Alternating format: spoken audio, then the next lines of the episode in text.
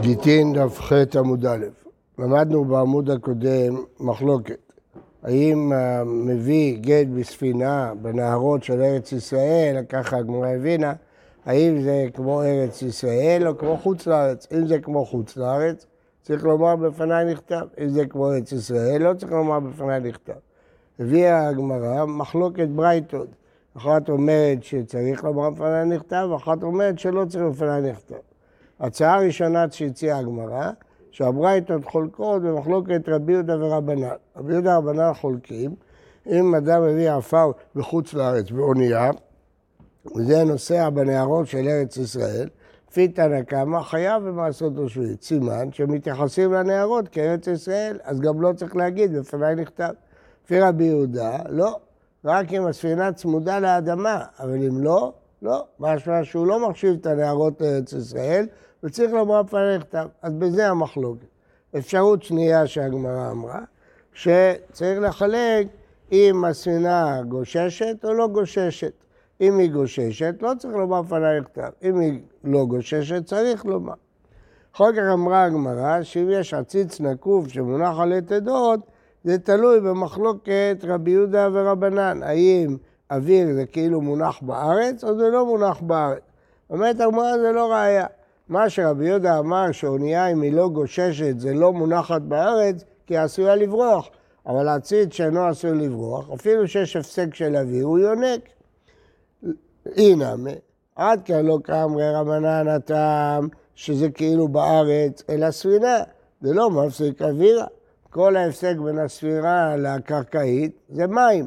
מהי הערה סמיכתא דמיה? מים דומים לאדמה. אבל העציץ זה מפסיק אווירה? אוויר מפסיק? לא, זה לא נקרא שזה מונח בארץ. אז אם כן, זה לא תלוי במחלוקת רבי יהודה ורבנן דווקא. רב נחמן בר יצחק אמר, לא, בנהרות ארץ ישראל כולם מה לא פליגי, כולם לא חולקים שזה כארץ ישראל, אפילו שהספינה לא גוששת. למה? כי גט לא תלוי ביניקה. תלוי אם זה בארץ או בחוץ לארץ. כיוון שזה בארץ, לא צריך להגיד בפניו נכתב, לא אכפת לי יונק, לא יונק.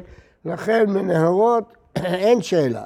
כל המחלוקת של הברייתות, אם צריך להגיד לפניי נכתב בים הגדול, בים הצמוד לארץ ישראל, נתניה.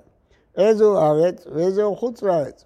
כל ששופע ויורד מטורי אמנון ולפנים, ארץ ישראל, מתורי אמנון ולחוץ, חוץ לארץ. והניסים שבים, האיים, רואים אותם כאילו חוט מתוח עליהם, מטורי אמנון עד נחל מצרים.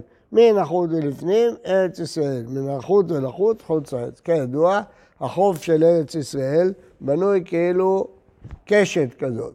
אז עכשיו אתה רואה כאילו חוט בטוח מטורי אמנון ועד נחל מצרים, כל החלק בים שהוא בתוך החוט, ארץ ישראל. כל החלק בים שהוא מחוץ לחוט, חוץ לארץ. קל מאוד, מה זאת אומרת? אתה מעביר קו... קו אווירי, מה הבעיה? מה זה קל מאוד, מה זה, זה הכי פשוט בעולם. אתה לוקח את המפה, אתה לוקח סרגל, אתה מעביר קו מטורקיה, מהרי אמנון, עד נחל מצרים, כל מה שבפנים. איפה הוא נמצא? מה זאת אומרת? מה אתה... איפה הספינה נמצאת? מה לא, נולדת היום? לא, איך מודדים בים? לא יודעים איפה נמצאים? אנשים נוסעים בים, לא יודעים אם ייתקעו בחוף או לא ייתקעו. יש מצפן, יש כלים, יש מכשירים, יודעים בדיוק באיזה נקודה נמצאים. מה, לא יודעים איפה נמצאים? אתה, חוץ מזה מדברים פה על ניסים שבים. כרתים, קפריסין, רואים במפה, הם מותחים קו, אם זה בפנים או בחוץ. רבי יהודה אומר, לא, כל שכנגד ארץ ישראל, הרי הוא כארץ ישראל. זה נפקא מינה לגבי שחופרים שדות גז ונפט, היום זו מלחמה גדולה. אז לפי הגמרא פה, כל הים שמול הארץ שייך לארץ. שנאמר, עד אה, סוף העולם. שנאמר, גבול ים, והיה לכם הים הגדול וגבול. זה לכם, התורה נתנה לנו את כל הים שמול ארץ ישראל. אלא, אז מה זה שאומר אה, חוט? חוט עושים לרוחב. הניסים שבצדדים, מלמעלה ומלמטה, לא שמול ארץ ישראל. כאן רואים אותם כאילו חוט מתוח מקפריוריה עד ים אוקיינוס, ומנחל מצרים עד ים אוקנס, חוץ זה לפני מצרים, חוץ לארץ. זאת אומרת, כל הרוחב של מול ארץ ישראל זה ארץ ישראל.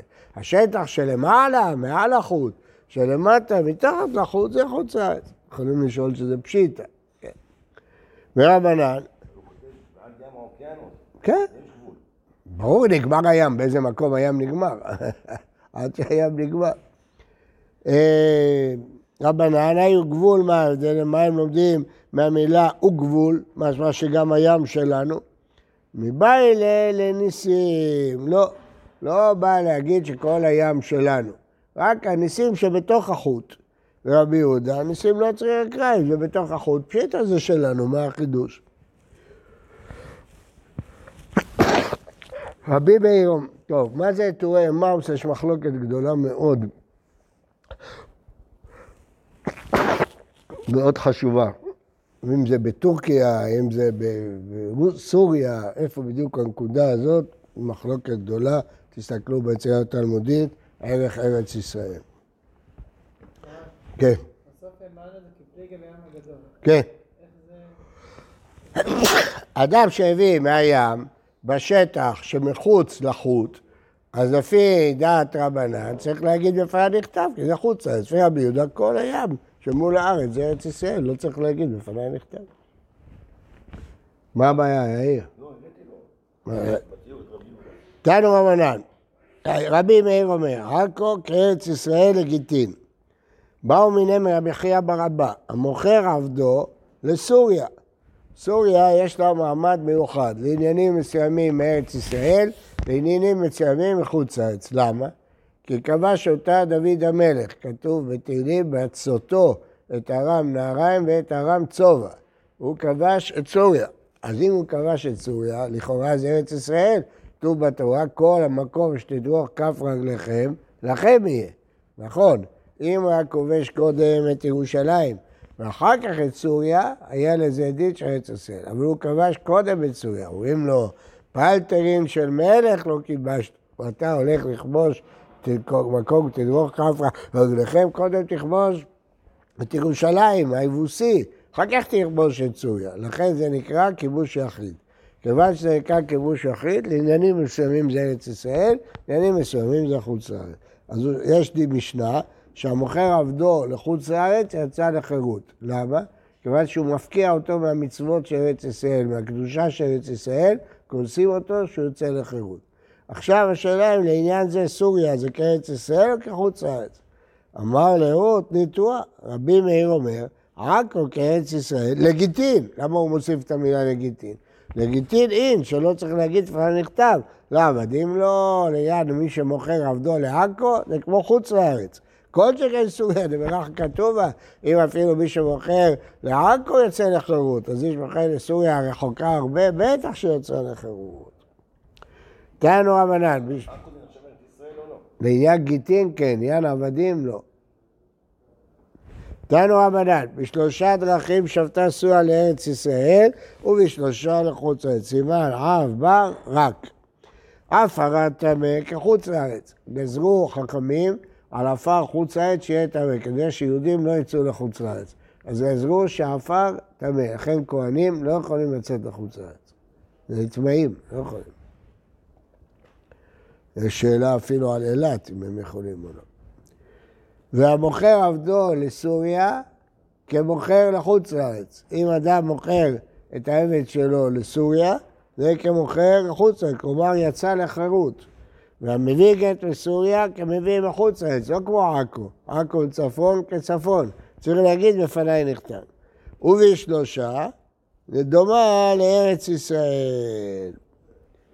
אה, חייבת במעשרות ובשביעית כארץ ישראל, חייבים במעשרות ובשמיטה, סוריה נוהגת שמיטה.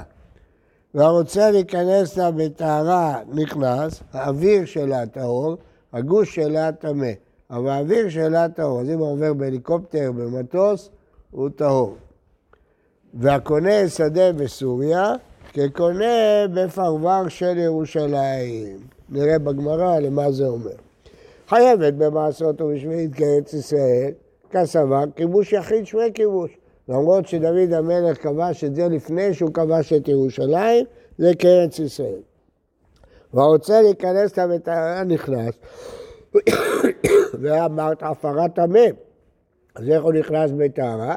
בשידה, תיבה ומגדל, הליקופטר, מטוס, לא נוגע באדמה. נתניה, הנכנס לארץ העמים בשידה, תיבה ומגדל, רבי מטמא, רבי יוסי ורבי יהודה מטהר. למה? אז נראה, אפילו רבי לא קבל טמא, אלא בארץ העמים, דגזרו על גושה ועל אווירה. אבל סוריה, על גושה גזרו, על אווירה לא גזרו, גזרו שעפרה יהיה טמא. אבל האוויר שלה הוא לא טמא, ולכן הוא נכנס במטוס או בהליקופטר מעל סוריה, אין בעיה. לא שמעתי. לא, לא, לא נכון. תוספות דן בזה. תוספות אומר קרון או בסוס. אבל רש"י אומר לא, שידה תיבה ומגדל שנושאים אותו. זה תלוי בשאלה אם אוהל זרוק שמי אוהל, או אוהל זרוק לא שמי אוהל. דווקא מינה, השאלה שהיא כך חשובה מאוד, אם אדם נוסע במכונית בכביש של הר הזיתים. היום לא נוסעים, אבל בעשר שנים הראשונות לא היה הכביש הזה. אז כשהייתי בא לישיבה, אם נוסעים מותר לנסוע שם או לא, אז אנחנו נסענו דרך הטור בהרים, בשבילים, סיבובים, כדי לא לנסוע דרך הר הזיתים, שזה על הקברות. אבל יש אומרים שאם שמים לוח עץ על האוטו מלמטה, אז זה חוצץ. לא איך ישימו לוח עץ מלמטה? דיקט. ככה. לא, בפנים באוטו. תחת הרגליים? איך? כן, כל השטח שאתה יושב עליו. כן, בטח. לא. רק שנייה. שידת איבר מגדל מרימים אותו, הוא לא נוגע בארץ, כמו הליקופטר. קרקע זה הגלגלים, כאילו, זה לא אה, אה, קרון זה על הקרקע. תוסות דן לגבי קרון. כן, נושאים אותו בכתפיים, אלה שהולכים נטמעים. כן? גויים לוקחים אותו. כן, הרב, כן. מה היתרון- להגיד שבאוויר הוא לא נטמע? כאילו, לא- זה לא שהוא יכול לרחף ולא לרדת, לא לעצור באף מקום. למה לא? אדם בא במטוס ונוסע לטיול לראות את כל סוריה בהליקופטר. מה הבעיה? ואז חוזר. מה הבעיה? מה הבעיה? הלאה. והקונה שדה בסוריה, כקונה בפרברי ירושלים. למה היא הלכתה? אמר ששעה תכתוב עליו עונו אפילו בשבת. אדם שקונה שדה מהגויים, כותב עליו שטר אפילו בשבת. אומר רש"י, אם רוצה לקחת מהגוי והגוי ממהר, שבת סכדתך? מה, נתיר מלאכה דאורייתא? אלא כדאמר רבא, אומר לגוי ועושה. אומר לגוי לכתוב שטר בשבת. למה? משום משום ארץ ישראל. אב אגב דאמירה לגוי שבות, לרבנן, משום משום ארץ ישראל, לא גזרו רבנן. אומר רש"י, משום משום ארץ ישראל, לגרש הגויים משם וליישב ישראל בה. אז זה מצווה לקנות בית מהגויים בארץ ישראל או קרקעות כדי ליישב שם יהודים. ולצורך זה מותר אפילו אמירה לגוי בשבת. להגיד לגוי בשבת מותר. אומר תוספות, מוכרח לכאן, שבשביל מצווה אחרת אסור להגיד לגוי, אפילו שזה שבות, כן? אסור להגיד אה, לגוי. לא היינו מתירים. מה? מה זה מצווה? ברית מילה, רוצים לחמם מים לתינוק, שכחו לחמם מים, אסור. אז דוחים את זה, את הברית, אחרי שבת. כי אמירה לגוי לא דוחה מצווה אחרת, במלאכה דאורייתא. אחד הרבנן זה משהו אחר. זה לא משנה סוריה ארץ ישראל. מה קשור סוריה? אתה שאלת אותי, אני עניתי לך. מה?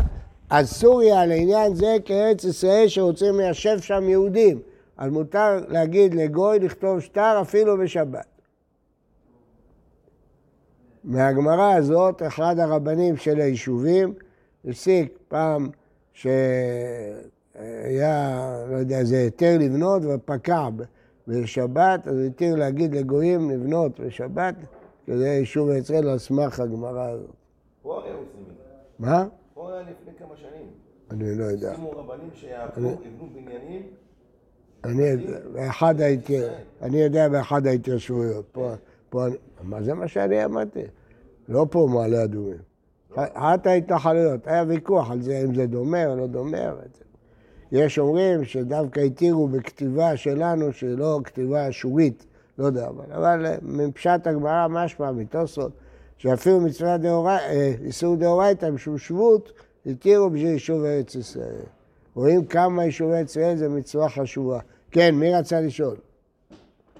מישהו פה רצה לשאול במחשב. טוב, הלאה. תנו רבנן, עבד שהביא גיתו, אבל בכל אופן רואים מכאן שאסור להגיד לגוי להדליק אש בשבת אפילו לצורך מצווה. אז אם נכבה חשמל, כן, האם מותר להגיד לגוי להעלות את הקצר? בישיבה עושים את זה, זה מותר? אם זה דרבנן, אם זה מלאכה דאורייתא, אסור. אם זה דרבנן, מותר. אז מה שמקלים בגרמה. צורך רבים כן, לא זה כמו צורך מצווה, אז זה בשבות דשבות, אבל לא בשבות אחת, או בגרמה. אבל צריך צורך רבים, עונג שבת כל שנשאר. הדברים. אם זה עונג שבת, גם כן. אבל רק במלאכה דרבנן, לא דאורייתא. איפה יש מדאורייתא אה, בעיה בחשמל? לפי החזון איש יש בעיה דאורייתא של בונה. חוששים לזה לעניין חשמל? לא, בסדר, אני אומר לך את הדינים. אנחנו לכן משתדלים שזה יהיה בגרמה. מה זה, איך בגרם? מרפא. שינוי. שינוי. שעושה גם מרפא וגם... את- שינוי, כן. הלאה. היא בעיה להוא. עבד, תנו רבנן, עבד שהביא גיתו, וכתוב בו, גט זה שטר פה. גט זה גם שטר. לעצמך ונכסיי קנויים לך. האדון אהב אותו, הוא שירת אותו כל החיים, כתב לו שטר שחרור וגם מתנה לנכסים. עצמו קנה. נכסים לא קנה. נאמן על השחרור, כן? אבל לא נאמן על הנכסים. למה? צריך לקיים את השטר, אולי הוא מזויף. אז למה על השחרור נאמן? כי עבד זה כמו גט אישה. כמו שבגט אישה אישרנו לאישה לומר בפניי נכתב, בפניי נכתב, גם העבד נאמן לומר, ו- אבל על מה הוא נאמן? על השחרור שלו, לא על הנכסים. למרות שזה סתירה. אם השטר מזויף, אז הכל מזויף. אם זה לא מזויף, זה לא, לא, פלגינן. לגבי השחרור אומרים שהשטר לא מזויף, לגבי הנכסים אומרים אולי זה מזויף. אז מה, צריך שני עדים שחותמים. לקיים את העדים, מה הבעיה? שישווה את החתימות. אבל, מה? לא שמעתי. לא?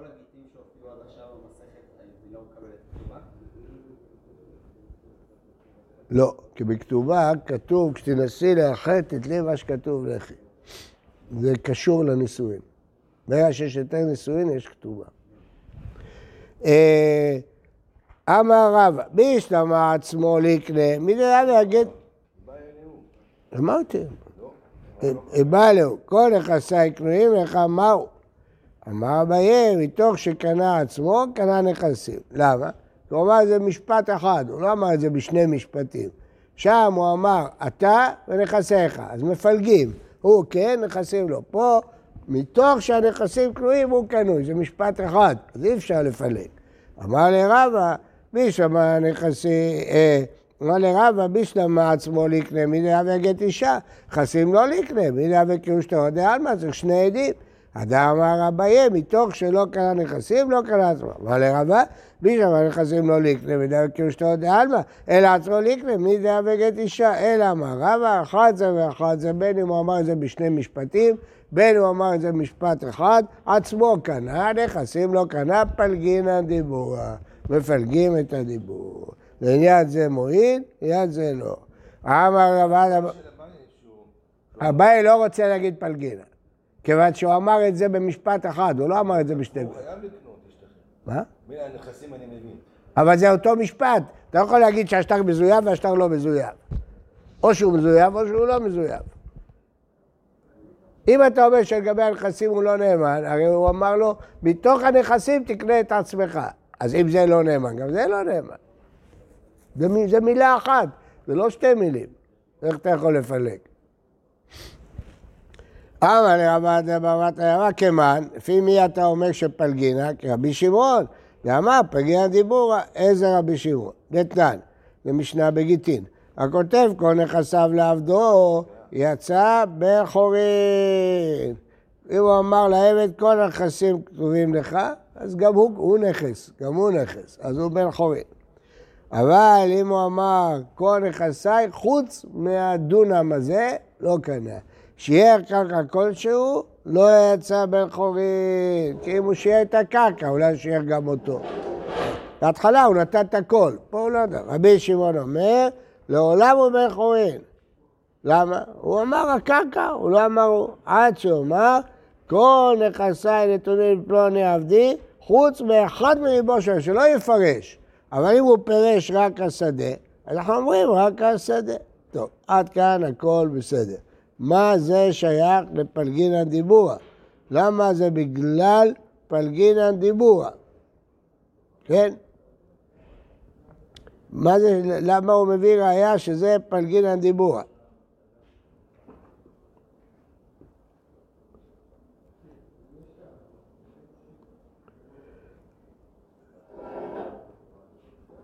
הרי הוא אמר, רבי שמעון אומר, לעולם הוא בן חורין, כן?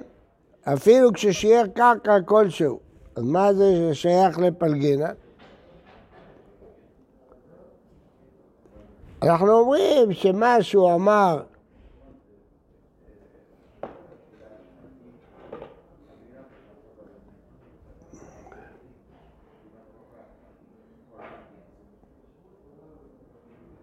הוא אמר כל נכסיו, ואתה מפצל, אתה אומר עצמו לא, ונכסים, כן, אתה מפלג את זה. אז. כן, מה, מה? רבי שמעון אומר, לעולם הוא בן חורין, כן? עד שהוא אמר, בן חורין, והקרקע שהוא השאיר, לא. אז אתה מפלג, הוא בן חורין והקרקע לא. אבל זה לא אותו פלגינה, כן, איתן. הרב, בעניין הזה של אה, פלגינה, אז יש את העניין של אה, שבן אדם אה, נותן את כל נכסיו, ואם הוא נתן את הכל או לא נתן את הכל, דווקא אם הוא שיער, נכון? ב- בשיר מרע. זה פה, לא, שכיב מרע זה משהו אחר. גם יש דין כזה, נכון. נכון, אז יש את העניין הזה שדווקא דווקא כשהוא שיער, כן, אז הכל ניתן. כן. לא, למה פה אנחנו אומרים שהוא לא, שהוא לא עשה? לא, לא. כי בשכיב מרע, כשהוא נתן את הכל, זה ברור שזה בהנחה שהוא ימות. אז אם יתברר שהוא חי, זה מתבטל. אבל אם הוא שיער קרקע, אז סימן שהוא לא חשב שהוא ימות. אז לכן אפילו שהוא חי, זה, זה סברה אחרת. הרב, אולי אפשר להבין שכתוב הכותב, אז בעצם כל נכסיו עבדו, בעצם כל נכסיי קנויים לך, ואז משפט השני, חוץ מקרקע, חוץ מהקרקע. ככה צריך להגיד, זה דחו קצת, זה לא בדיוק פלגינה. שם השטר או מזויף או לא מזויף. אז אני אומר, לעניין זה הוא מזויף, לעניין זה הוא לא מזויף. פה, הוא אומר שני דברים, מקנה את עצמו, מקנה את הנכסים, מה הבעיה לפלג? לפי רבי שמעון כשהוא אומר חוץ, חוץ מ... כן, אז השאלה אם הוא- אם זה ברור או לא ברור. אם הוא סיים משהו, מס... לא נכון. נכון, אם יגיד חוץ משדה זו, ברור. אז העבד כן יהיה. נכון, זה רבי שמעון. נכון. איפה- זה נקרא? כי אתה אומר שהעבד משוחרר והשדה קנויה לו. פירט, בדיוק. בסדר, נכון. שאלה טובה, נדבר על זה מחר באיזה השם יתברך.